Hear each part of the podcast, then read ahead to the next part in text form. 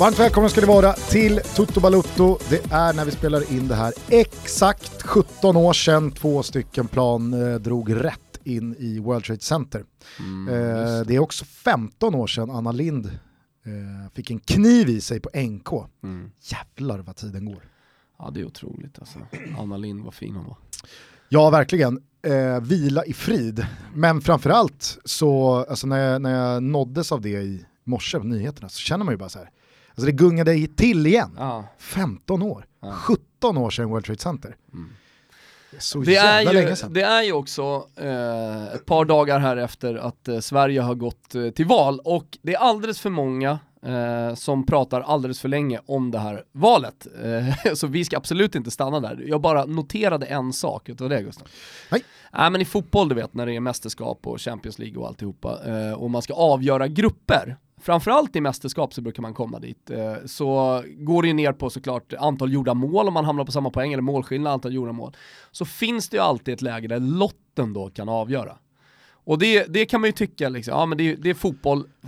Vi var ju inte speciellt inte. långt borta från lotten i somras i VM. Exakt, eh, och man, varje gång det händer, eller scenariot är nära, så börjar man diskutera vad kan man göra istället. Lotten ska för fan inte få avgöra en fotbollsmatch.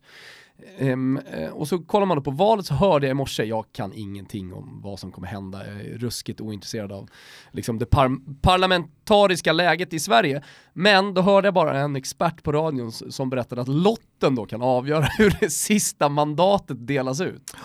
Jag tänkte, du kanske har något kreativare sätt att tänka på det här Gusten, om, om det nu är så att man kommer ner till exakt antal röster så det inte går att skilja dem åt. I fotboll så brukar man prata om en straffsparksläggning. Kanske är det det de ska göra då i, på Rosenbad? Alltså jag kan ju tycka, eh, eh, vi kan lämna det parlamentariska därhän. Däremot så är ju jag en av få som är i, alltså jag är ju i lottlobbyn. Jaha, okej. Okay. Jag är inte emot att om man nu har använt liksom alla parametrar vi har uppstolpade hittills, varför inte? Alltså vilken jävla tv-sändning. Ja, men det är, exakt, bra tv. ja. Det skulle dessutom vara så här, ja vadå, det är ju väldigt fair. Det är ju verkligen 50-50. Samtidigt, så, samtidigt så vill man ju ha straffläggningen, Löfven mot Kristensson. Eller skickar de fram eh, Ebba Busch Thor? Men vad brukar folk... De kanske får eh, välja en som man gör, alltså ta en i sin närhet. Vad brukar folk väldigt slarvigt kalla en fotbolls, eller en straffläggning? Nej, lotteri. lotteri. ja absolut. Så att, äh, alltså, jag, är ju, jag tillhör ju de som är för lotten i fotboll. Ja. Det hade varit spännande att liksom se ett öde avgöras. Det är ju dessutom så mycket tur och otur som avgör fotboll. I, inte minst i enskilda matcher. Ja. Så att jag menar... Ska vi ringa upp Axén eller? ja, han är väl en av få som hävdar att det, det inte ens finns tur. Ska vi säga att Axén är klar för 5 december? Eh, det kan vi väl öppna göra. med det. Ja. ja. vi har ju, alldeles strax så kommer vi börja sälja biljetter till vårt 200 avsnitt, som vi kallar det. En show på Oscars, förra året sålde vi slut på bara några veckor så det gäller att vara på hugget. Eh, och så har vi gäster på scen, vi gör, alltså det, tanken var att vi skulle göra en livepodd någonstans, sen så blev det ju någonting större på Oscars. Eh, och, och ja, men någon slags poddshow, kan man säga att det är det? Det kan man väl göra. Mm. Framförallt så kan man väl eh, bara beskriva det som en rolig kväll. Ja, en jävligt rolig kväll. Och för eh, alla som gillar Toto Balutto så tror jag att det, det, det kommer infria förväntningarna. Ja, det tror jag nog. Eh, det är jag ganska säker på. Och Axén i alla fall, klar. Ja, Axén skulle ju varit med i fjol, men sen så dök det upp då en Spanienresa, hamnade på samma hotell som inrikeskorrespondent Erik Friberg och sen så var de ändå med på sitt lilla sätt därifrån. Men eh, i år så har vi alltså Axén på scen. Så det blir jävligt roligt, då får man väl fråga honom hur han ställer sig till eh, att han som huvudansvarig för Örebro då eventuellt skulle hålla sig kvar i allsvenskan eller inte ja. på en coin flip. Ja. Det hade varit kul. ja. Om han hade tänkt så här, är det rättvist eller är det okej? Okay? Eller ska vi spela om det? Eh, hur som helst, vill du höra ett svep från de senaste dagarna som har präglats väldigt mycket av eh, landskamper? Ja, det vill jag verkligen göra. Jag tror att det är många också som har missat lite det hela det här Nations League-liret eh, eh och, och, som har varit fast i valet och sådär. Så jag, jag, tror att det är ett ganska uppskattat eh, svep. Ja, vi kan väl gå in i detaljerna kring mm. vad Nations League är efter svepet. I helgen blev Uefa Nations League av med sin oskuld och mycket går nog att likna vid många sexdebut. Det var lite trevande, lite fumligt, lite ovant och när det hela var över så var det ganska svårt att landa i en konkret känsla. Det fanns stunder som var bra men många delar var direkt kämpiga att genomlida, i alla fall om man heter Sverige. I en svajig, slarvig och ofokuserad insats mot Turkiet ledde till slut Gulo Gulo med 2-0 men när allt var över lämnade turkarna med samtliga poäng. Förlusten i sig kanske inte var superorättvis, men leder man med 2-1 i den 88 minuten ska man såklart inte förlora. Ett annat landslag med en klart bekymmersam start på denna nya landslagscykel är Italien. 1-1 hemma mot ett Polen på nedgång och i bortamatchen mot Portugal kunde det blivit 3-0, men förlusten stannade vid 1-0. Ser man till Mancinis båda startelver känns det här laget både oklart och feltänkt vad gäller hur man ska få ut max. Vad gör till exempel Leonardo Bonucci och Giorgio Chiellini i en asurblå landslagstrupp om de inte startar i en måste-match borta mot de regerande Europamästarna? Jag vet då inte. Tyskland och Jogi Löw fick inte heller den tillbakastudsen från VM som de önskade. 0-0 mot Frankrike hade kunnat bli både vinst och förlust. Och några dagar senare så fick man slita hårt för att träningsslå Peru. Alla dessa lag ligger dock i lä gentemot Erik Hamrén och dennes Island som kölhalades av Schweiz med 1-0? Nej. 2-0? Nej då. 3-0? Nej, nej, nej, nej, nej, nej. 4-0 då? Nope. 5-0? Där får det fan räcka. Pix. 6-0. Nej, det är otroligt. Jajuksur Bukkur. Nej, det var inget kul. Nej, det var inget kul. Helt plötsligt såg det ut som att det var 1999 igen och lille puttblåbäret Island var chanslösa mot långt ifrån världsklassmotstånd. Det var smärtsamt att se och ikväll väntar Belgien. Brr. Ja, Spanien däremot såg både fräscha och spännande ut på Wembley där man slog de tre lejonen med 2-1 och visst var känslan att Southgates landslag togs ner lite på jorden efter den resultatmässigt finfina insatsen i somras. Var England så jävla bra egentligen? Mm, jag är tveksam. Danmarks landslag och förbund la ner stridsyxan och slog Wales med 2-0. Kosovo tog sin första historiska tävlingsseger och i Serbien fortsatte den glödheta Aleksandar Mitrovic att ösa in mål. Nej, nu tisslar och tasslar vi lite med polarna om den här första gången. Vi överdriver lite om storlek och prestation och sen så går vi helt enkelt vidare mot nästa gång. Det kommer inte vara perfekt då heller, men övning ger färdighet. Välkommen Uefa Nations League. Ja, varmt välkommen får vi säga. Ja, alltså, jag hör ju till dem som absolut förstår det här. Jaha, behöver vi verkligen en turnering till? Eh, den är dessutom krånglig. Ska det verkligen behöva vara så här eh, knepigt att få fram ett slags EM eller VM-kval, vad det nu som ska fungera som. Men det jag däremot till 100% ställer mig bakom verkligen positivt till, det är ju den här A-divisionen och vad det gör för oss fotbollsintresserade som vill titta på bra fotboll under en annars 12-13 dagar lång period som kan tära på en ordentligt. Tidigare i år och under tidigare kvalcykler så är det ju kanske en gång av sex tävlingskvällar eller fem tävlingskvällar som det finns en match värd att kolla på, förutom Sverige. Där kollar man ju även fast motståndet heter Moldavien eller Bulgarien eller Liechtenstein eller Österrike. Så att Sverige är intressant att kolla på, men man sätter sig ju sällan ner och kikar på Tyskland ja, mot nej, Norge för att se en meningslös match sluta 7-1. Men nu så är det ju faktiskt så att man torsdag, fredag, lördag, söndag, måndag mm. och ikväll då tisdag har riktigt feta landskamper att ja. se fram emot av tävlingskaraktär. Jag menar det har varit både Frankrike, Tyskland, det har varit eh, England, Spanien, Portugal, Italien, ikväll är det Spanien, Kroatien. Ja, så adderar svenskt inslag i det också. Precis, så att eh, de här dagarna har ju blivit mycket, mycket mer uthärdliga än eh, vad det har varit innan och därför är jag väldigt positiv till den här starten på Nations League. Sen så fattar jag också att, ja men som nu efter förlusten igår mot Turkiet, det, det är typ kört för oss. Ja. Nej men sen så tycker jag, alldeles oavsett eh, liksom, turneringar och sånt där, alltså, det tråkiga är ju träningslandskamper när det inte finns motivation. Eh, det enda som är roligt är att kolla på sitt lag, eh, oavsett vilka man håller på, för att se då kanske nya spelare matchas in och hur de klarar sig. Eh, men, men allting för mig hängde i den här, i, i Nations League hängde på att eh, jag ville se motiverade spelare, motiverade lag som tog det här på allvar. Nu kanske inte är så på alla håll, men alltså de stora matcherna som du räknar upp här, det var på allvar. Jag var på Friends igår och kollade på Sverige-Turkiet, det var också på allvar. Så att jag menar så att det är någonstans grunden. Och det är absolut ingen garanti att eh, en ny sån här turnering ska ses liksom, ja, men, med, med motiverade ögon på. Alltså, även fast det slutade med förlust och det bara var drygt 20 000 på läktaren och det kändes som en lång baksmälla från ett väldigt, väldigt fint VM. Janne stod efteråt och pratade om att äh, men vi känns trötta och jag vet inte vad det beror på och så vidare och så vidare. Nej, så tar man ju fortfarande gårdagskvällen alla dagar i veckan före torsdagens träningsmatch mot Österrike äh. som var bland det jobbigare man har Ja. liksom ägnat en torsdagkväll åt. Ja, nej men alltså jag, jag zonade ut totalt från, från den matchen, men igår eh, så, så var det ändå intressant. Eh, sen så finns det, ja men finns det några grejer att säga om den här matchen eller? Ja, herregud. alltså eh, utom att det var så bra eller dåligt, eh, jag, jag har i alla fall några. För det första, nummer ett Gusten. Åh, Turkiet, la la la la la la, Turkiet. Vilken jävla ramsa det är ändå. Ja. Framförallt så måste man ju säga att eh, på bara några få år här så har ju Sverige, strategiskt eller inte, det vet jag inte, men det är ju anmärkningsvärt hur många motstånd vi har prickat in som har ett jävla stöd i Sverige. Ja. Alltså Turkiet, Iran, Iran, ja. Chile. alltså det, det har ju varit Ja, så här. vi blir ju totalt slaktade på läktarna. Alltså vi är jättebra på mästerskap och vi åker i mängder och var fina i Frankrike, du och jag upplevt det. Eh, jag vill inte liksom, riktas liksom, all kritik åt svenska fans att vi är dåliga, men låt oss vara ärliga, vi är total kassa på landslagsstöd på hemmaplan. Alltså det är ett skämt. Ja. Alltså den gula väggen, det var en, alltså den gula väggen var ju en liten fyrkant igår.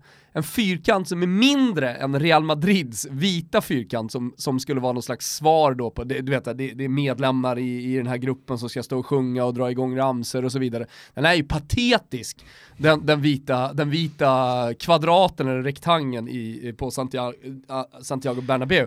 Men alltså också- den är patetisk. Vad fan är då den där ruskigt tröttsamma gula lilla kvadraten. Och alla ni som var där, jag är ledsen. Eh, ni, alltså ni som är där, ni, ni, ska, ni får all min respekt och all cred att ni är där och sjunger. Så att det är liksom inte rik- riktat till er, utan, men, men det blir, det måste ni fatta också när ni står där. Ni hörs inte överhuvudtaget på långsidan, utan det enda man hör i Turkiet hela matchen. ja, det blev ju ett litet kollektivt magplask. Ja, Det får men, man ju säga. Men, men känslan är också att vi går tillbaka, alltså när vi är på bortaplan, när det är, när det är mästerskap, då, då är det liksom kanna på-ramsa, alltså det, det, folk är där för att sjunga. Eh, Men det är som att vi går tillbaka till det här gamla landslagsstödet som vi körde förr i tiden med mera mål och Markoolio och i 63 minuten så drar någon igång Den blomstertid nu kommer. Alltså det, det, här, det här, men det som bara är dåligt med svensk landslagsfotbollsstöd. Men är det inte fullt rimligt och naturligt då att det inte går att uppbringa samma entusiasm och pepp kring Fråga chilenarna, fråga turkarna, fråga iranierna.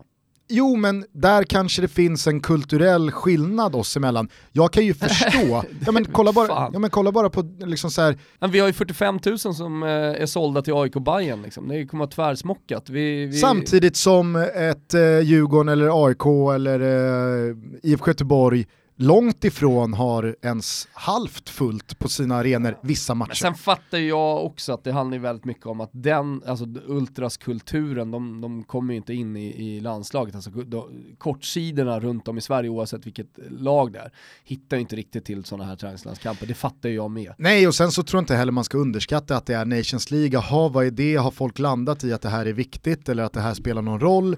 Många förklarar ju som att ah, men det är en andra chans till att nå EM. Det spelar egentligen inte så stor roll. Eh, sen är det ju många som har då missat detaljerna kring att, ja men beroende på hur det går för oss i Nations League i höst, det ger oss olika förutsättningar i EM-kvallottningen i början av december. Går vi, alltså vinner vi vår grupp så går vi upp i A-divisionen, då har vi mycket bättre förutsättningar Vi inför nästa gruppen. Nations League. Nej, nu eh, ser det ju Jag, väldigt vet du vad jag är lite inne på Gustav? Nej, men jag, tror, jag, ja, men jag tror bara att eh, den osäkerheten kring att är det här en träningslandskamp eller är det här en tävlingslandskamp, det är dessutom ett turkiskt motstånd, eh, det är inget landslag som, förutom hos turkarna tror jag, får svenska landslagssupportrar att känna oh fan det här är en fet match, den måste, jag, den måste jag ta mig till. Samtidigt som jag också tror att det, det blev en liten sån här Ja, men man har inte riktigt hunnit ladda om eh, från VM. Man är inte riktigt inne i att okej nu står vi på noll igen, ruta ett mot EM 2020 utan Jo men det finns ett så stort fotbollsintresse i Sverige och, och den här matchen spelas ändå i, i, i vår största stad, vår huvudstad. Jag åkte pendeltåget dit igår och eh, satt med en liten grabb på fem bast och hans pappa och de var liksom superpirriga för att få gå och se det här landslaget. Det, det, det var så stort för dem att kolla på det här. Så jag, alltså det, det är så konstigt tycker jag att, att, eh, att det inte finns ett större intresse att en måndagkväll klockan nio då damma iväg och kolla på den här matchen. Okej, kanske inte funkar med alla barn, men ändå, vi har ungdomar som inte går och lägger sig innan tolv. Alltså, jag, jag tycker att det borde finnas ett större intresse bara, jag tycker att det är konstigt. Jag tycker också att vi ska nämna den kanske största enskilt bidragande orsaken till en svag publiksiffra och ett avmätt intresse, det är ju prislappen på de här biljetterna. Ja det är bedrövligt alltså, i sig. Nu, nu, nu eh, verkar, eh, vad, vad, säger man på svenska, alltså, meddelandet har mottagits av förbundet här nu. Alltså ja. man, kan inte, man, man kan ju inte på något annat sätt än att underkänna sig själva gå vidare från drygt 21 000 eh, i en tävlingslandskamp hemma mot Turkiet. Två månader efter det bästa VMet på 24 år. Alltså då måste man ju fatta att okej, okay, 500 Och då var det ändå tacksamt spänn... motstånd ska sägas ja. med, med mycket turkar eh, som ja, bor i, Sverige, Stockholm. 400, 500, 600 a pop. Det, ja. det, det, går ju liksom inte. Nej. Det... Nej, absolut, det finns en massa trösklar. Jag tycker fortfarande att det är lite konstigt. Sen så, sen så eh, måste vi också säga att det är ju över för Jan Anderssons landslag. Det blir inga fler succéer. Eh, alltså långs Tog jag det på sängen? Långsiktigt ah. är det väl eh, svårt att... Eh... Man har ju precis förlängt. Ja. Alla liksom minns kvalet och, och, landslaget, men det blir inget mer nu. Det blir inga fler succéer. Det är en domedagsprofetia här från... Nej eh, men jag tror inte ens att vi går till EM om man ska vara helt ärlig. Det hänger ju såklart på vad vi får för grupp. Eh, alltså EM-kvalgrupp. 2019. Jag säger oavsett vad vi får för grupp, så jag, min känsla med det här landslaget är att det, det, det, det, finns ingen växel till. Janne Andersson måste ha en plan B, en plan C, en plan D. Han, han eh, inte bara liksom eh, när han tar ut landslag, alltså när han tar ut sin, sin sin startelva utan eh, jag tror också även under matcherna så har han visat att han har en oförmåga att, att ändra på matchbilder när det inte funkar och, och igår återigen så tycker jag att han, han är direkt svag i sin matchcoachning.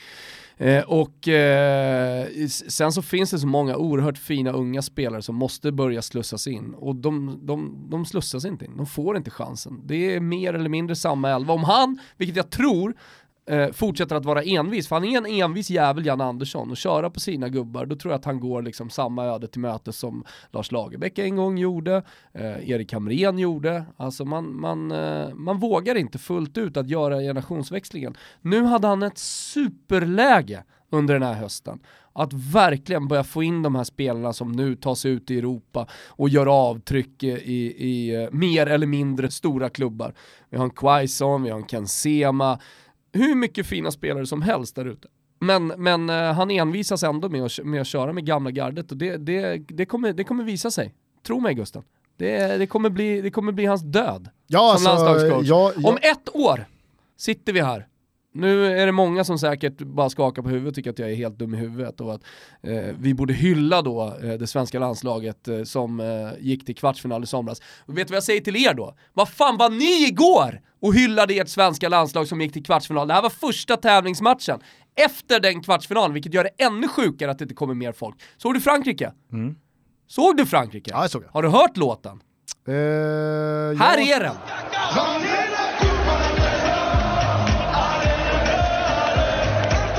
Euh, cette Coupe du Monde en citant un par un les 23 joueurs. Så firar man ett landslag som kommer tillbaka. Jag fattar att det finns trösklar i priser, det finns trösklar i att det är måndag kväll och så vidare. Men vad är det för jävla trösklar? Det är väl fan bara lägga en femhunka och gå, låna av polan eller vad som helst, det finns swish. Du hade ju aldrig gått om inte du hade fått en fri plåt. jo det hade jag! Nej det hade du inte. Nej men fan! Ja, nej, alltså, jag, jag förstår. Eh, och, ja, men sitt och skaka på huvudet åt min domedagsprofetia. Ja, vi ses om ett år. Då kan vi sitta här så får ni se hur det har gått. Jag hör ju absolut till eh, de som också tycker att eh, man borde ha sett på den här samlingen, i alla fall truppdemografiskt, lite annorlunda än vad Janne har gjort. Det hörde ni inte minst här för två veckor sedan när jag tog ut min trupp och hur man borde ha tänkt. Men det jag tycker verkligen alltså så här, det jag tar med mig från den här samlingen det är ju den här torsdagsmatchen mot Österrike för att jag, jag är helt med dig på att man får inte chansen när man spelar i ett landslag där en spelare Nej. tillhör det ordinarie laget. Då får man inte chansen att ta plats Nej. i A-landslaget. Då spelar man ju i ett B-landslag, då spelar man ju i ett annat lag. Alltså de spelarna som eh, spelade torsdagens match mot Österrike, det, det, det är svårt att liksom så här, ja men det var ingen som tog chansen och det var ingen som visade att man hör hemma i A-landslaget. Nej men man fick ju heller inte spela med A-landslaget. Ja. Man spelar med en målvakt eller en backlinje eller ett mittfält eller en anfallskonstellation som inte är vana vid att spela tillsammans, som inte har erfarenheten, som inte har grundbultarna på plats för vad det här är för lag, utan de finns ju i det laget man såg mot Turkiet. Exakt. Och då blir det kan jag tycka, så skevt i att ja, men det är ingen som riktigt är nära, det är ingen riktigt som tar chansen. Svår, alltså. Det är svårt att göra en generationsväxling, alltså. det, är, det är jävligt få som lyckas. Men man kan i alla fall göra ett försök tycker jag. Ja, herregud, absolut. Sen så eh, tycker jag också man ska passa sig från att eh, måla fan på väggen och dundra, Nej, dundra ut att eh, de här 93 minuterna mot Turkiet innebär det här eller innebär det där. Det här landslaget är såklart vare sig bäst i världen eller sämst i världen utifrån att man tappar 2-1 till torsk hemma mot Turkiet sista minuterna. Som jag skrev, man gör en halv svag, eller man gör en dålig insats, eh, men man hade lika gärna kunnat vinna den här matchen med fan 4-1. Och då hade ju såklart rubrikerna varit helt annorlunda. Då är, det så, då är det snarare en styrka att man kan vinna komfortabelt utan att man eh, presterar på topp. Men jag tycker heller inte förlusten är orättvis om man ser till över 90 minuter, för att fram till Sveriges 1-0 så kan ju Turkiet göra första målet.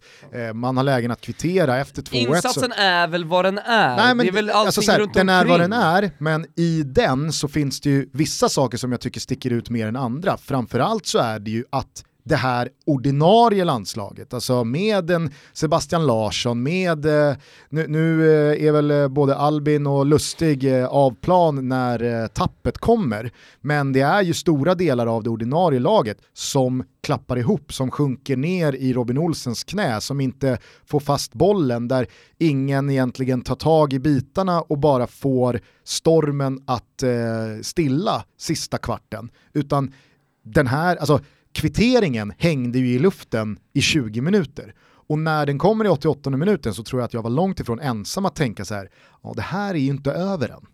Eh, och det är det som är anmärkningsvärt, för är det någonting Janne på hans två år har kunnat garantera så är det ju ett Sverige som aldrig klappar igenom. Visst, vi har förlorat matcher och det har sett svagt ut, men det har inte funnits den här, ingen vill ta ansvar, folk är nervösa, eh, folk är slarviga och det tillåts fortsätta.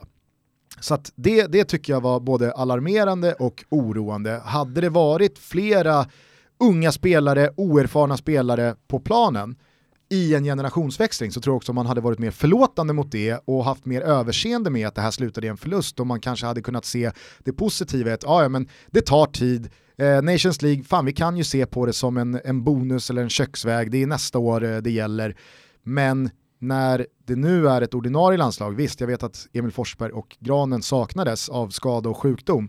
Det ska inte spela någon roll. Nej exakt, så tror jag ändå att smällen blir hårdare och det, det, det blir eh, mer rynkor i pannan och man känner att ah, fan det här, det här var inte bra. Eller det ska inte spela någon roll, det är två ruskigt fundamentala spelare som ofta står för de avgörande, eller som har stått för avgörande prestationer. Men, men någonstans tycker jag att eh, alltså det, det, finns så mycket spelare, just på de två positionerna också, anfallsyttrar och mittback. Som Ponne till exempel har gjort jättefina insatser varje gång han har kommit in. Mm. Eh, eh och, och, jag vill inte la lasta honom för, för förlusten, även om det är ett misstag, att han borde, som han säger själv, attackerat hårdare eh, vid det där 3-2 målet. Eh, alltså så, sånt kan hända, men det, alltså, jag vet inte, jag är i alla fall jävligt intresserad av att se hur det här landslaget, som alltid hyllas för att vara så öppet, eh, och det är så gemytlig stämning, och det är någonting som Janne har skapat, men jag, det har också gått bra hela vägen från början. Alltså från dag ett så har det här landslaget imponerat. Jag är intresserad eh, av hur det går när det börjar gå lite tungt. När man torskar liksom borta mot Moldavien och bara får kryss eh, i, i, matchen hemma, eh, eh i, matchen efter. Alltså vi har ju två spelare som redan har någon egen slags löjlig silencio stampa. Robin Olsen och, och Nilsson Lindelöf. Det var någon som skrev på Twitter så här, jo men vad spelar det för roll? De säger ändå, ändå ingenting vettigt till spelarna. Om, det är ändå inte intressant att höra. Jo, det är jävligt många som vill höra vad två av våra bästa spelare, eller våra två största spelare, ah, är precis jag, vad det är. Jag skulle snarare vända, vända mig emot alltså, själva principen. Alltså, Exakt. jag, jag kan Exakt. hålla med om att det de säger, det är inte alltid men, jättebanbrytande Nej, eller superintressant. Men att de inte snackar med Exakt. media och att det accepteras Nej, det, av eh, förbundet och landslagsledningen, det är ju det som är det anmärkningsvärda och det är det man vänder sig emot. Ja. Alltså, jag kan också klara mig utan ett par klyschor och bollen är rund och Jo, vi tar nästa herregud, match. det gör vi Alltså, alla. Är- en match i taget och, och, och sådär. Speciellt Robin Olsson säger Men jag tycker, ju att det, jag tycker att det Lindelöf är, heller alltså. Men ja. jag tycker att det är anmärkningsvärt att Janne som hela tiden har varit bergfast i sina ledstjärnor vad gäller eh, ramar kring laget och ledarskapet och det är det här som är våra nycklar. Nej, men det är ju ett svek det här. Det är ett svek till svenska folket. Alltså, de gör ju inte media för att media vill stå där och prata med dem. Alltså, media är där för att rapportera. Mm. Media är där för att föra deras åsikter ut i te- tv, radio och, och tidning. För att folket vill läsa om det. Robin Olsson spe- Olsen spelar i Roma, Victor Nilsson Lindelöf spelar i Manchester United. Vad är det för jävla sätt att komma tillbaka till en landslagssamling där vi har kommit, gått till kvartsfinal under, under EM, VM och inte snacka? Ah, Och det är ett svek till, till supportrarna. Mm.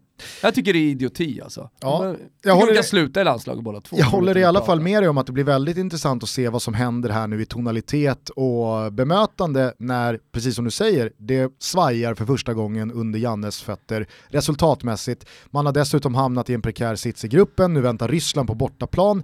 Eh, poängtapp där, då är det ju nästan teoretiskt kört. Eh, så att, eh, där, där, är jag med dig. Jag är däremot lite inspirerad av eh, Fjäll från förra veckan. Tack till alla som hört av sig med fina ord om det avsnittet. Det var väldigt många.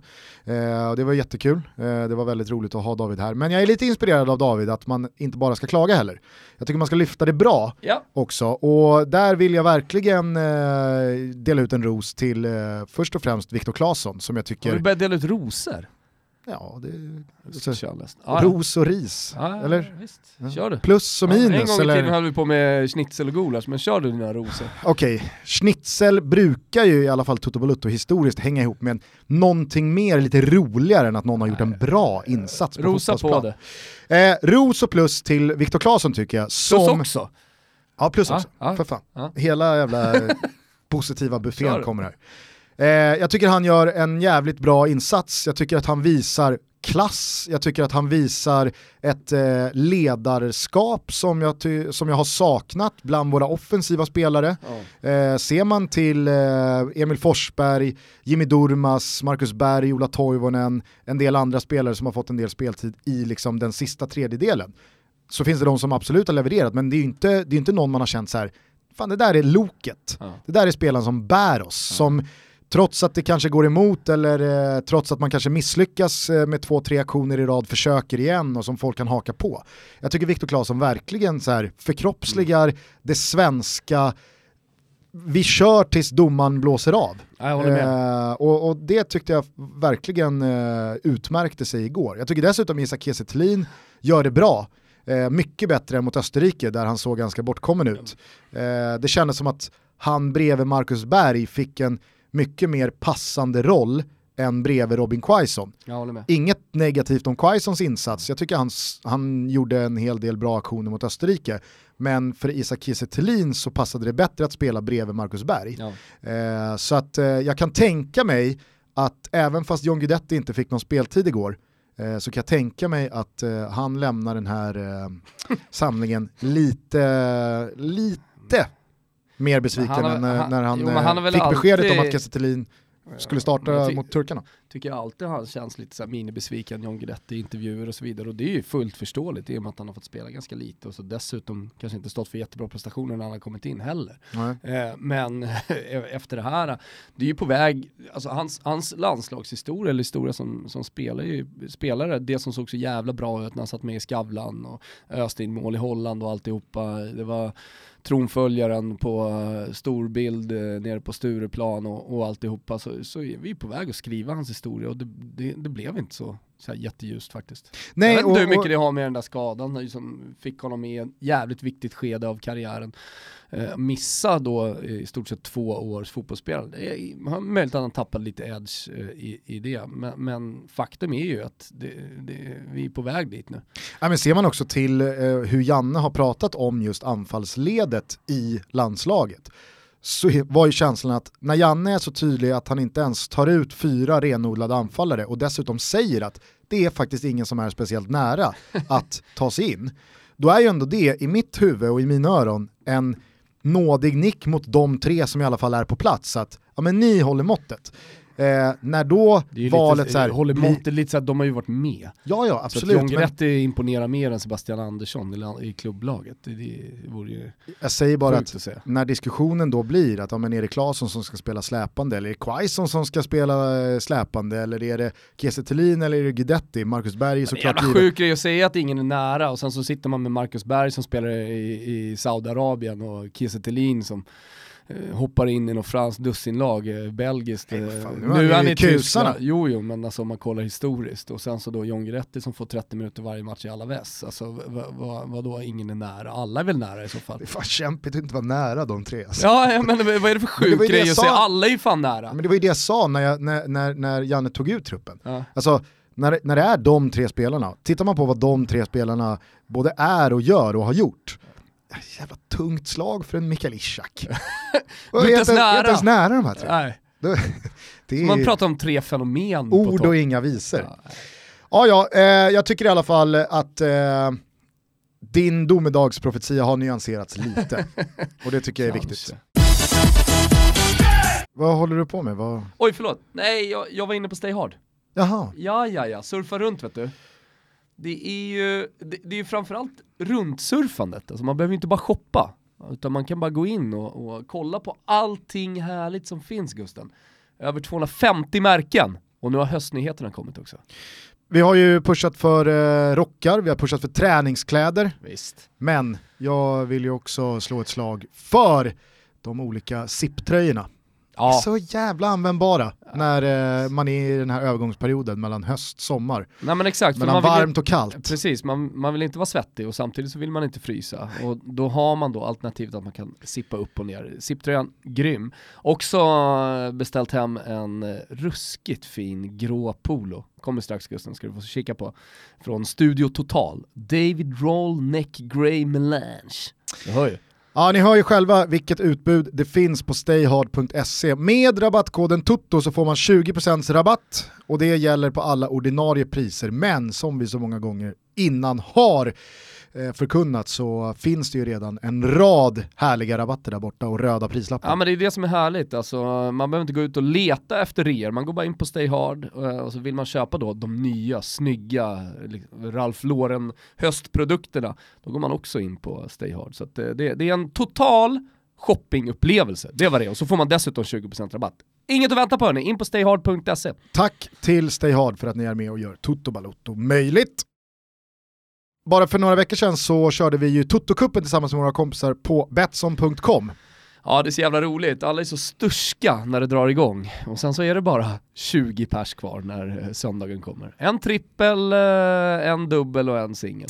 Precis, och ni som då inte vann i Toto-cupen och tänker att nu kommer det dröja länge tills Toto och Betsson gör någonting roligt ihop igen med så här extra fint i potten.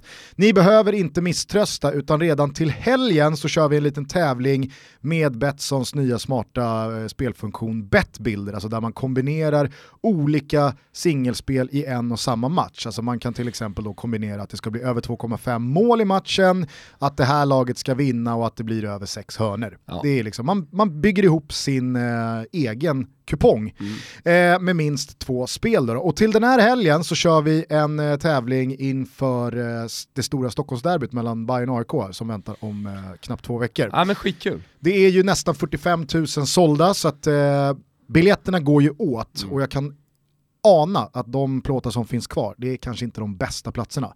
Därför tävlar Betsson nu i helgen tillsammans med oss ut eh, biljetter för fyra stycken vinnare som alla får ta med sig varsin kompis och då undrar ju ni såklart hur går det här till? Jo, fredag, lördag, söndag är tre dagar.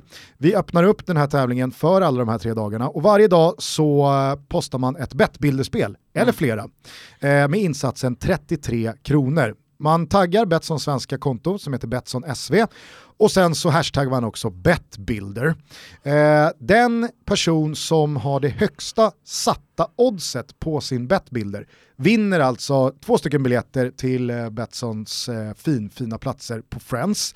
Och så avgör vi en fredag, en lördag, en söndag och sen så lottar vi ut det sista paketet. Bland till, alla som har varit med. Till alla, exakt, bland alla som har varit med någon av dagarna. Så att man kan tävla alla dagar, man kan tävla med hur många kuponger som helst eller så kan man bara tävla en gång om man är Mycket information eh, på en och samma gång. Eh, dra bara, vad ska man göra när man har gjort sitt Betbuilder-spel och lagt 33 spänn på det? Man screenshotar ut sitt Betbuilder-spel, Ah. man eh, taggar in Betssons svenska konto som heter Betsson SV på Twitter och sen så hashtaggar man Betbuilder. Ja men ni ser. In och tävla hörni så ses vi på Friendsen. Du och jag följer med, eller hur Gusten? Du och jag följer med, det är ju en ruskigt fin match. Ja det är det.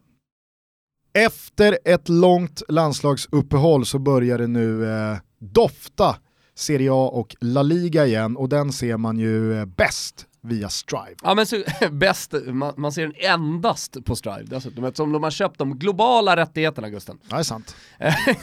ja det är sant. Eh, och det, det, här är ju, det här är en ny tjänst, en tjänst som hela tiden utvecklas, eh, det vill vi vara tydliga med att säga.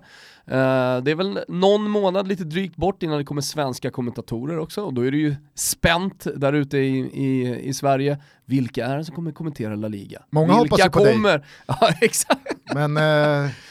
De är väldigt, väldigt tydliga Strive när vi inledde vårt samarbete att uh, tro inte att du kommer få kommentera några matcher Thomas. Vi har, vi har hört vad ja, det går för. Jag tror att du ska hålla dig långt borta en, en, en provspel. Ja, nej, men Ett det, provspels... Verkligen, verkligen. Vi ska inte hålla på och provspela. Det kommer bra kommentatorer vad det lider, men det, det känns som hela tiden utvecklas. Uh, hörde att uh, gänget också var på väg uh, på möte borta i London för att hela tiden utveckla också tekniken.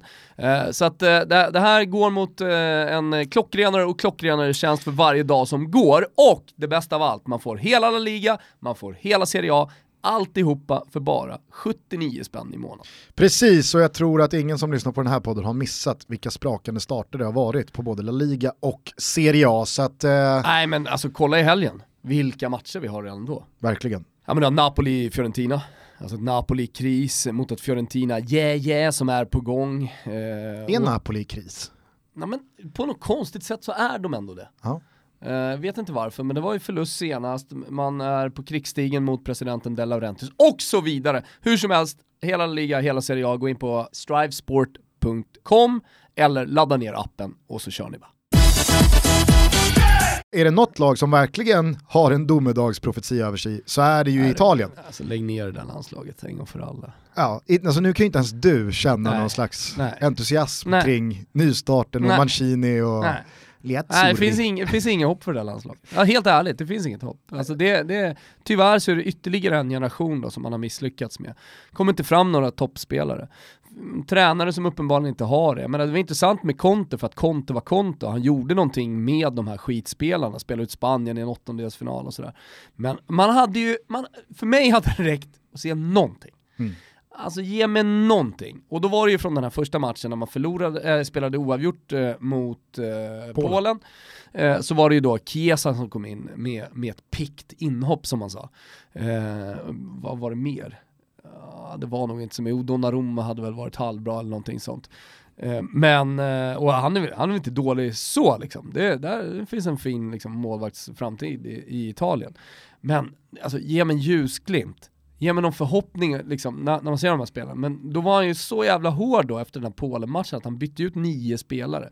Och du, du, du säger det här, alltså tar du ut Bonucci Chiellini, de får inte ens lira. Det enda som är lite ramstarkt, det enda där det finns lite stoff och eh, vinnarattityd och, och ledarskap på planen, som du pratar om med Viktor Claesson, alltså fan, det, det är ju Bonucci och Chiellini. Du kan inte ta ut den enda jävla ryggraden som finns i det där laget. Eh, men, men det gör han och, och det, det, ser på riktigt för jävligt ut alltså. Ja, Nej, alltså mot, mot Portugal igår, det är ju det ska, det ska ju sluta 3-4-0 där. Jo, men jag trodde, jag trodde i alla fall att Italien skulle, skulle eh, rada upp lite chanser med, med ett djupledsstarkt anfall i Chiesa, Immobile och Berardi. Men alltså, vad, har, eh, vad har rubrikerna varit idag?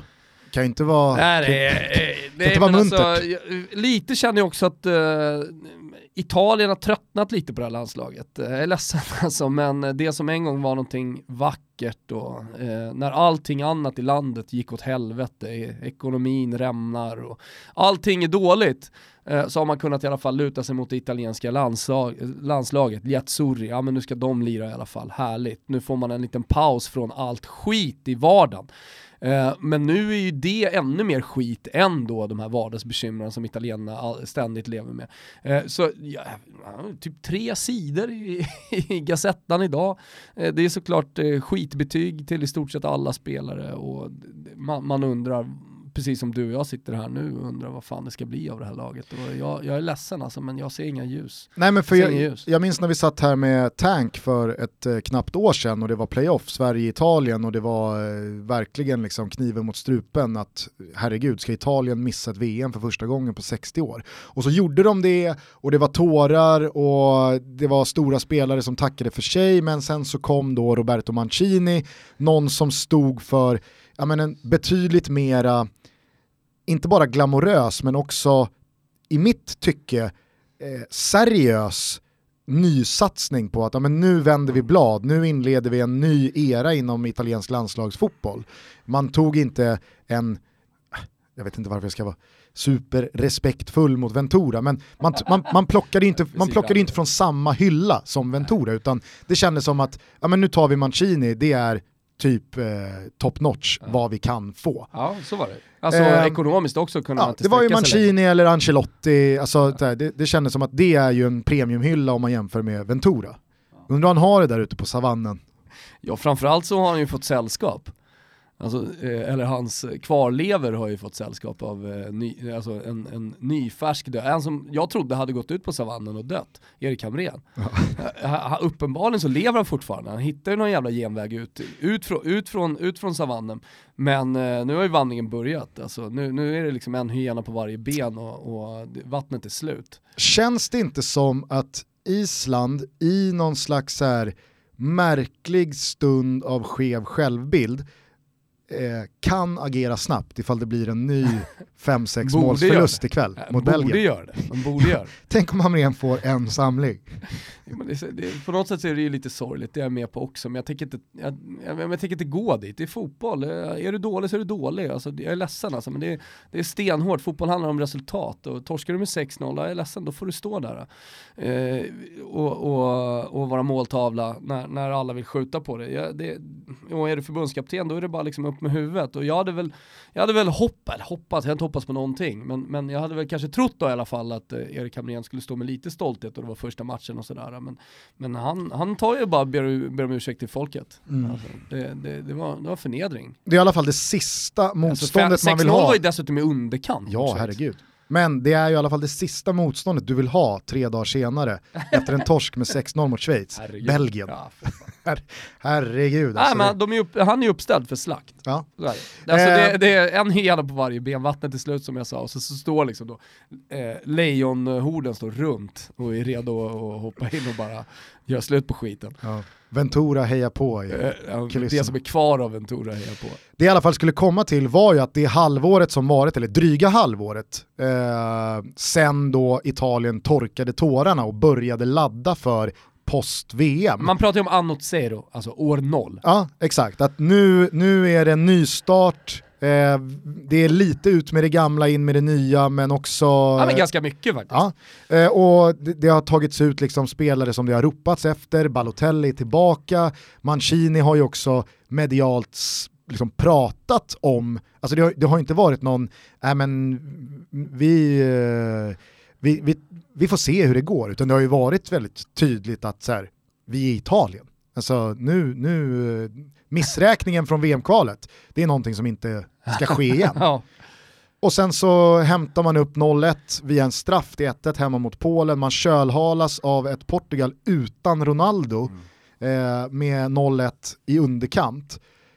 Alltså... Men det jag tycker är framförallt uppenbart med eh, den här generationen av unga italienska spelare, det är att vi har att göra med ytterligare en skitgeneration. Och jag menar, alltså när den följer upp eh, 85, 86, 87 som var eh, sällsynt, jag ska inte säga sällsynt, alltså den sämsta italienska liksom, fotbollsgenerationen som kom upp, med en jag vet inte om den är sämre, det får väl visa sig sen, men i alla fall lika dålig generation fotbollsspelare som kommer. Alltså när man helt plötsligt ska stå och ropa på 19-årig eh, Chiesa och, och, och Donnarumma som nyckelspelare i det här landslaget, det, det är ju nog fel ju. Ja. Det, det, alltså, eller fel, det är så det är.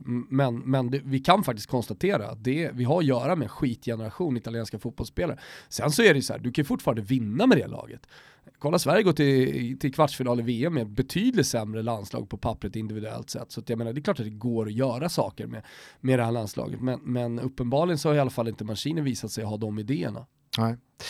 Jag måste också bara kort landa lite i England. Håller du med mig där om att eh, man såg lite mot Spanien att okej. Okay, ja men minibluff, absolut. För att börjar man syna deras VM i sömmarna, vilket jag vet att många har gjort redan. Du Jävlar vad hårda vi är nu alltså. Jo men alltså jag kan ändå tycka att det kanske mest uppskrivna landslaget, bortsett det kroatiska, eh, när man summerade det här VMet var ju England. Att oj oj oj, det är nya pigga fräscha England, de ser så jävla bra ut och de har en eh, ny typ av stomme, det är inte längre eh, spelare från de största klubbarna som inte anses fungera tillsammans utan det här är ett kollektiv och det är spelare från mindre lag och det är både Tottenham och Crystal Palace och Everton och mm. det ena med det tredje.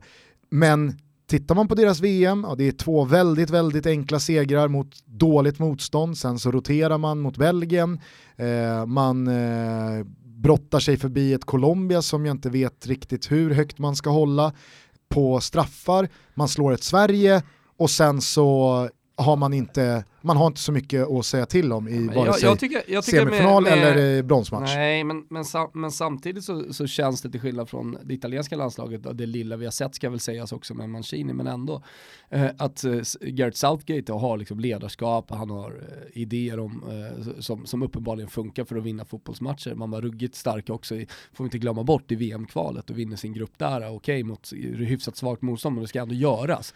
Så att, eh, så, så alltså, det är klart att det finns framtidshopp och tro på, på England. Sen, sen kanske inte är så bra som det, resultatet blev i VM, men ändå bra. Ja, men jag, jag lämnades ju inte av känslan efter den här Spanien-matchen med, med, med, med att tycka så här, oj oj oj, fan. England, England, England gasar vidare här absolut mot, inte, men de mot kan absolut gå till en semifinal i EM 2020. Alltså så pass bra är den. Jag tycker också att den här matchen fungerade väldigt bra eh, som bevis på den här evighetslånga diskussionen om vilka klubblag är bäst och vilket land eh, är, är längst fram och sådär. Man brukar ju hela tiden prata om Spaniens eh, dominans i de europeiska kupperna med hur många finallag och hur många vinnande lag man har haft senaste åren. Det är såklart en tydlig indikator, men när det kommer till klubblag så är det såklart också så att vissa lag innehåller fler spelare av den nationaliteten än andra. Eh, det är kanske utländska tränare eller så är det inte det och så vidare och så vidare. Men i det här landslaget så är det ju det är landets för dagen elva bästa förutsatt eh, att det inte är någon som har tackat nej eller skadad eller la sig. Ni fattar. Och där tycker jag att det var stor skillnad på kvalitet. Alltså man tänker så här, fan, man kikar igenom Englands lag, så, ja, det är bra spelare. Mm. Men herregud, alltså det är, vilken klassskillnad det är. Mm.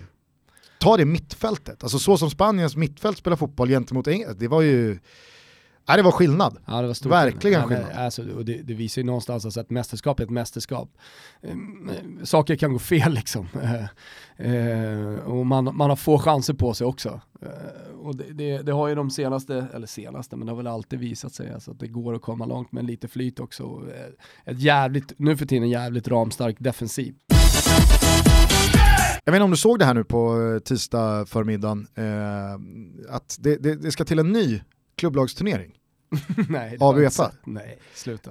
Det som eh, först och främst tog mig på sängen, det, det måste att, ju handla om cash va? Det är att Andrea Agnelli är någon slags exekutiv president, alltså, vicepresident. Ju, Juventus president. Ja, han är också toppdog i Uefa. Jaha, han börjar internationell karriär. Ja, det, det, det var det första ja, som slog mig. Han gör väl inget vettigt annars än, än att uh, hantera Juventus.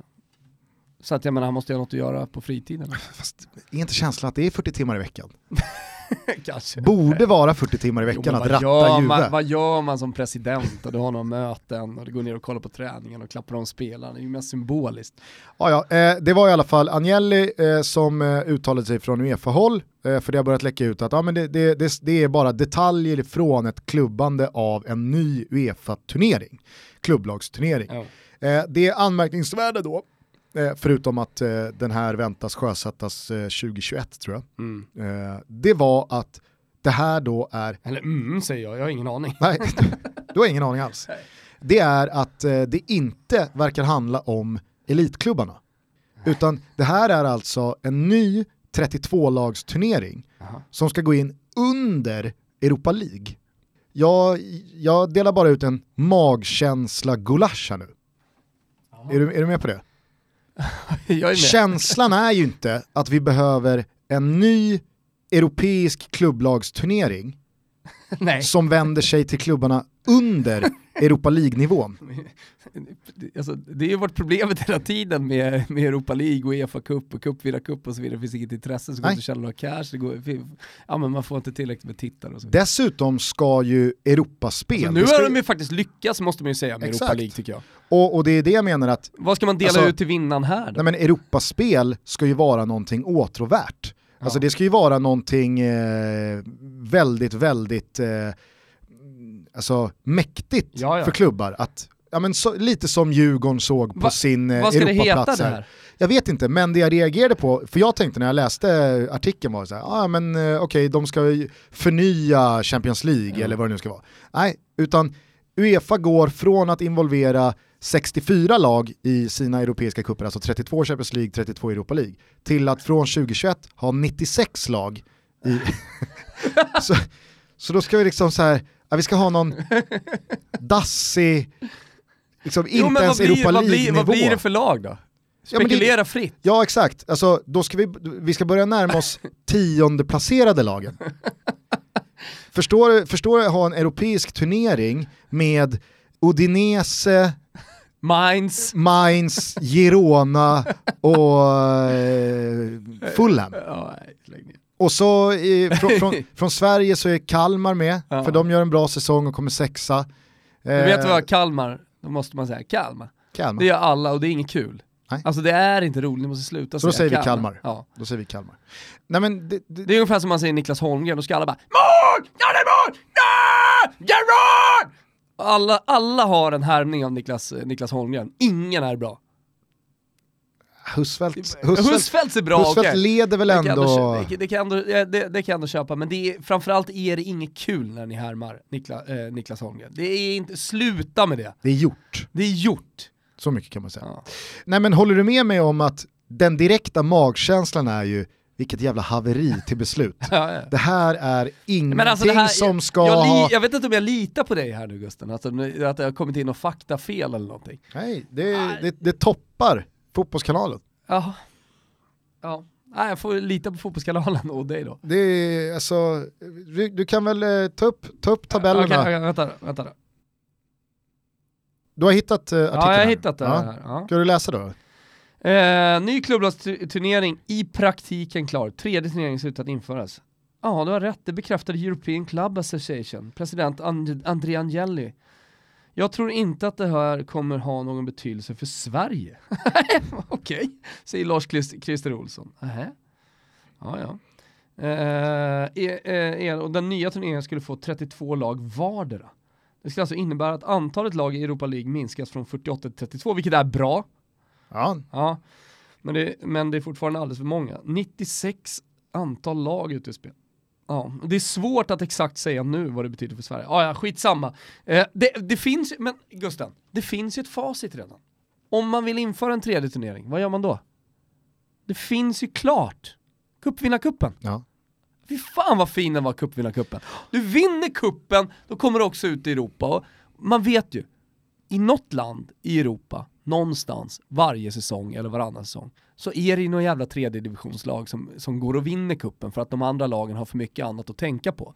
Det är alltid, det är alltid, är ju i alla fall känslan, brödgäng i Frankrike Ja, som går långt ja, ja. i cuperna. Ja, så tredje divisionslag. Så att, eh, jag menar, kör. Cupvinnarcupen. Stoppa in något riktigt fett pris också. Ja, exakt. Men men, eh, det, det, det, det här är ett, eh, det, det Vet du vad ett pris skulle kunna vara? Nej. Att man får träffa Maradona.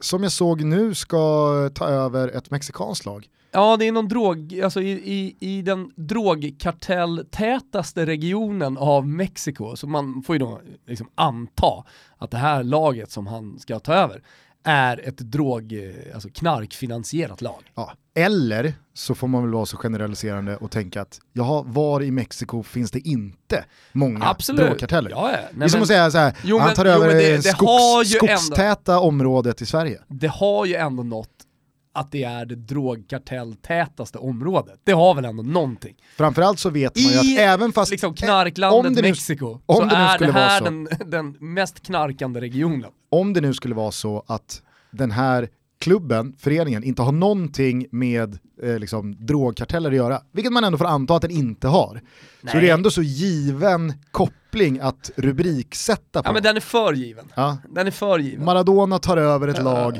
i den drogkartelltätaste regionen i Mexiko. Det behöver inte ha någonting med varandra att göra, men det har ju såklart allt med varandra att göra. Eh, önskar man ju Diego lycka till i alla fall. Ja. Nu borde jag såklart ha kollat upp hur det slutade, men såg du att eh, Cedorf Nej, det slutar 1-1. slutade 1-1? Ja, det slutar, de mötte eh, Komorerna. Kom- Komorerna. Komorerna. Där, Det är en eh, liten eh, arkipelag utanför Madagaskar, för er som inte har koll. Som eh, Bachirou spelar i. Ass, ja, ja, ja, ja. Fouad Bachirou spelar i I Komorerna. Komorerna. Ja, jo.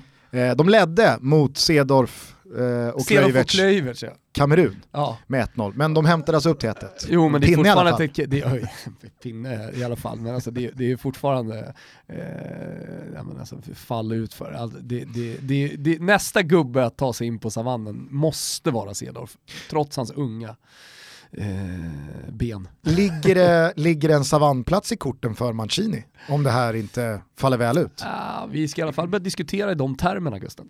På tal om det, jag tänkte på en sak när jag tänkte på Mancini igår, så tänkte jag så här, det ska jag fråga Thomas imorgon. Jag, jag, jag, jag har inte hört någonting om Conte. Alltså sen han lämnade Chelsea, vad, vad händer där? Vad, Ah, det Vad enda, gör det han? enda lilla som liksom har diskuterats, det är att han ska ta över Milan. Eventuellt om Gattuso går dåligt här under hösten. Det är det enda lilla ryktet som, som finns, annars så har man en klassiskt sabbatsår. jävla U-sväng för Milans hemvävda satsning. Och Med Maldini, Jo.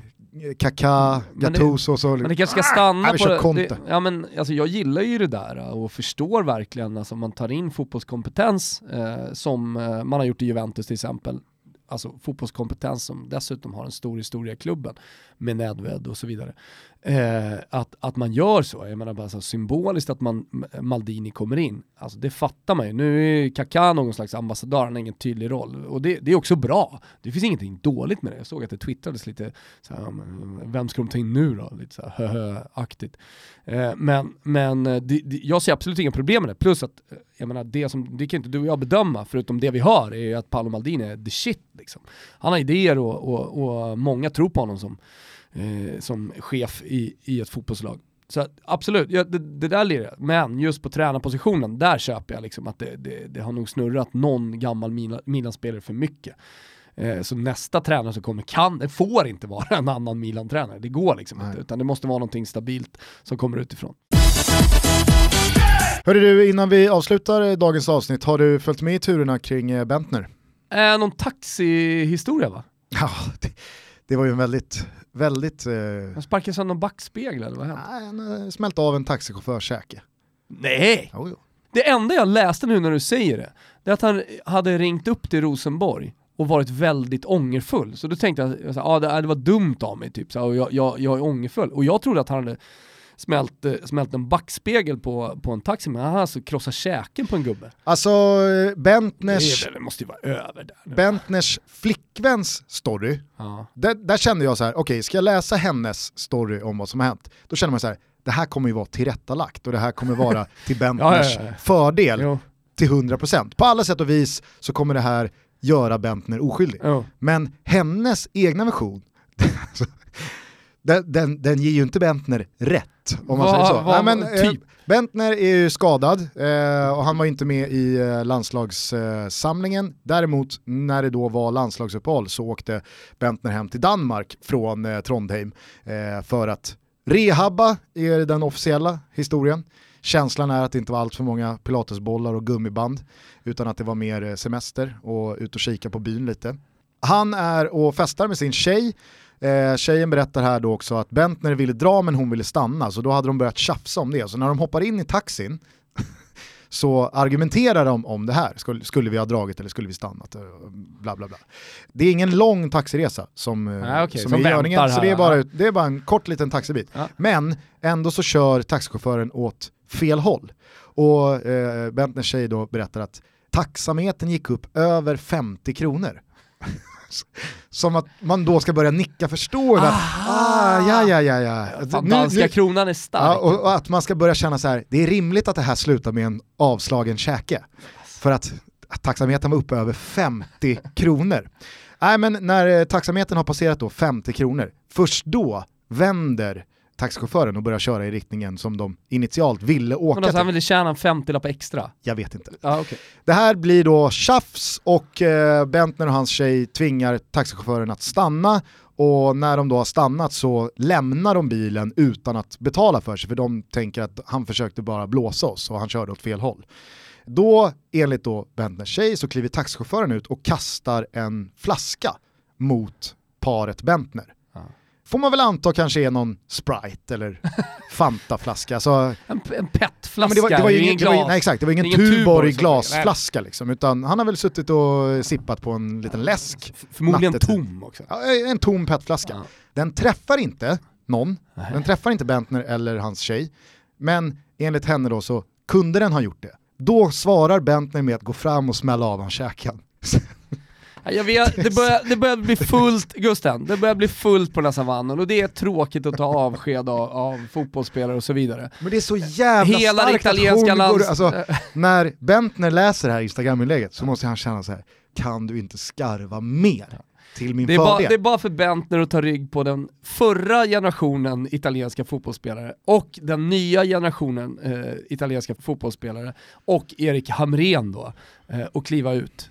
Och bara låta naturen ha sin gång. Det finns plats. Ja, det finns, det finns hungriga djur där. Det finns plats på savannen. Hörrni, Ser du en fotbollsplan, då är det bara en jävla oas, eller hur? Hägring är det, det är en hägring. Precis. Stanna inte utan bara gå. Hörni, eh, vi vet att vi eh, lovade landslagsbesök här i dagarna, men schemat eh, föll väldigt dåligt ut. Dessutom Schemat det... föll dåligt ut, de steppade inte upp. Nej men det var ju både De mag- kom inte hit! Det var magsjukor och gubbvader och det ena med det tredje. Eh, så att eh, vi får helt enkelt rainchecka eh, Kanske landslagsbesök. volleybolllandslaget vill komma hit och, och besöka oss. Vad har vi på volleyboll? Nej, Absolut ingenting. Landslaget. Jo, vet du vad vi har? Eh, Vi har en av de absolut största stjärnorna i världen spelar i det svenska damlandslaget. Alltså. Ja, ruskigt vass. alltså relativt då, alltså en av de största volleybollstjärnorna, inte en av de största stjärnorna i världen. Nej, men då ska det också sägas att volleyboll är en av världens största sporter. Jag tror till aktiva utövare kommer efter Fan fotbollen. fan vad den där listan måste rensas. Nej, volleyboll är världens största sjukt, sporter. Vet du vad? Volleyboll är sjukt stort Gustav. Och jätteintresse när, när, när det är VM och OS och så. I, i civiliserade länder Gustav. På, omöjligt att volleyboll är världens näst största sport. Omöjligt. Nej. Omöjligt. Möjligt att basketen eh, är där och krigar lite, men, men absolut är volleybollen där och, Pingis? och lägg ner Cricket? pingis. Jo men pingis är ju så här, där, där kan du ju verkligen börja prata om som i hockey, liksom, svängen. Att, att pingis bara då spelas i Kina så är det väldigt många i Kina som utövar och så blir det en stor sport. Eh, för, om, men om man kollar på globalt så är alltså volleybollen stor i hela världen. I, Ki- i Asien, i Sydamerika och i Europa. Golf? Golf, lägg ner ditt jävla golf nu. Alltså, inte säsongen slut? Nej, snart. Det var ju som Jesper Hoffman eh, började dilla om att det var Ryder Cup som är det största som typ har hänt. Alltså det är en jävla plojturnering. Det här kan du också lägga ner. Skicka ut hela golftouren på savannen också. Rätt ut bara, här på det. Eh, hörni, vi hörs eh, om eh, några dagar igen. Eh, tack för att ni lyssnar, vi älskar er, vi hörs snart igen. Ciao tutti. Ciao tutti. Hello, Africa. Tell me how you doing.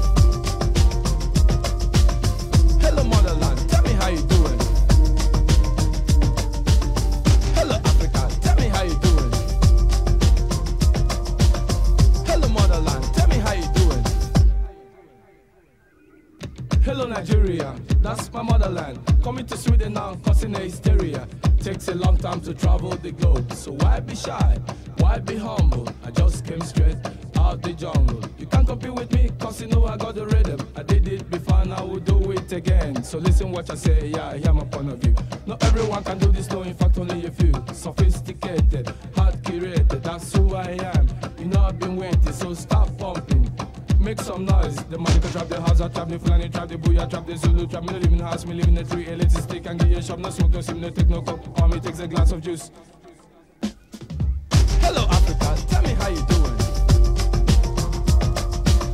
Hello motherland, tell me how you doing.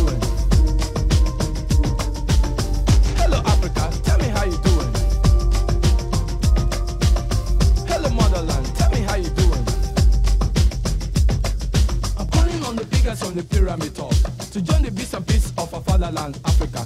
Cause with a boundary we can move the mountains. Drop your personal individual ambitions. Just the devil of a purifier fatherland. African people, come from your vulture. Start the film cause you are the era of the mankind. You are the dreams, you are the hope, you are the future, you are the past, you are the grandfather of civilization. This is what ANC want old dog to see.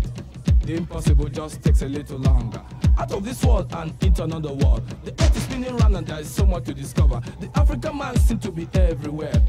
If there are people in the world who know the right is never wrong, stop the fire burning in my home, Africa. Martin Luther King Mandela, you had a dream. Self-evidence and equality for men.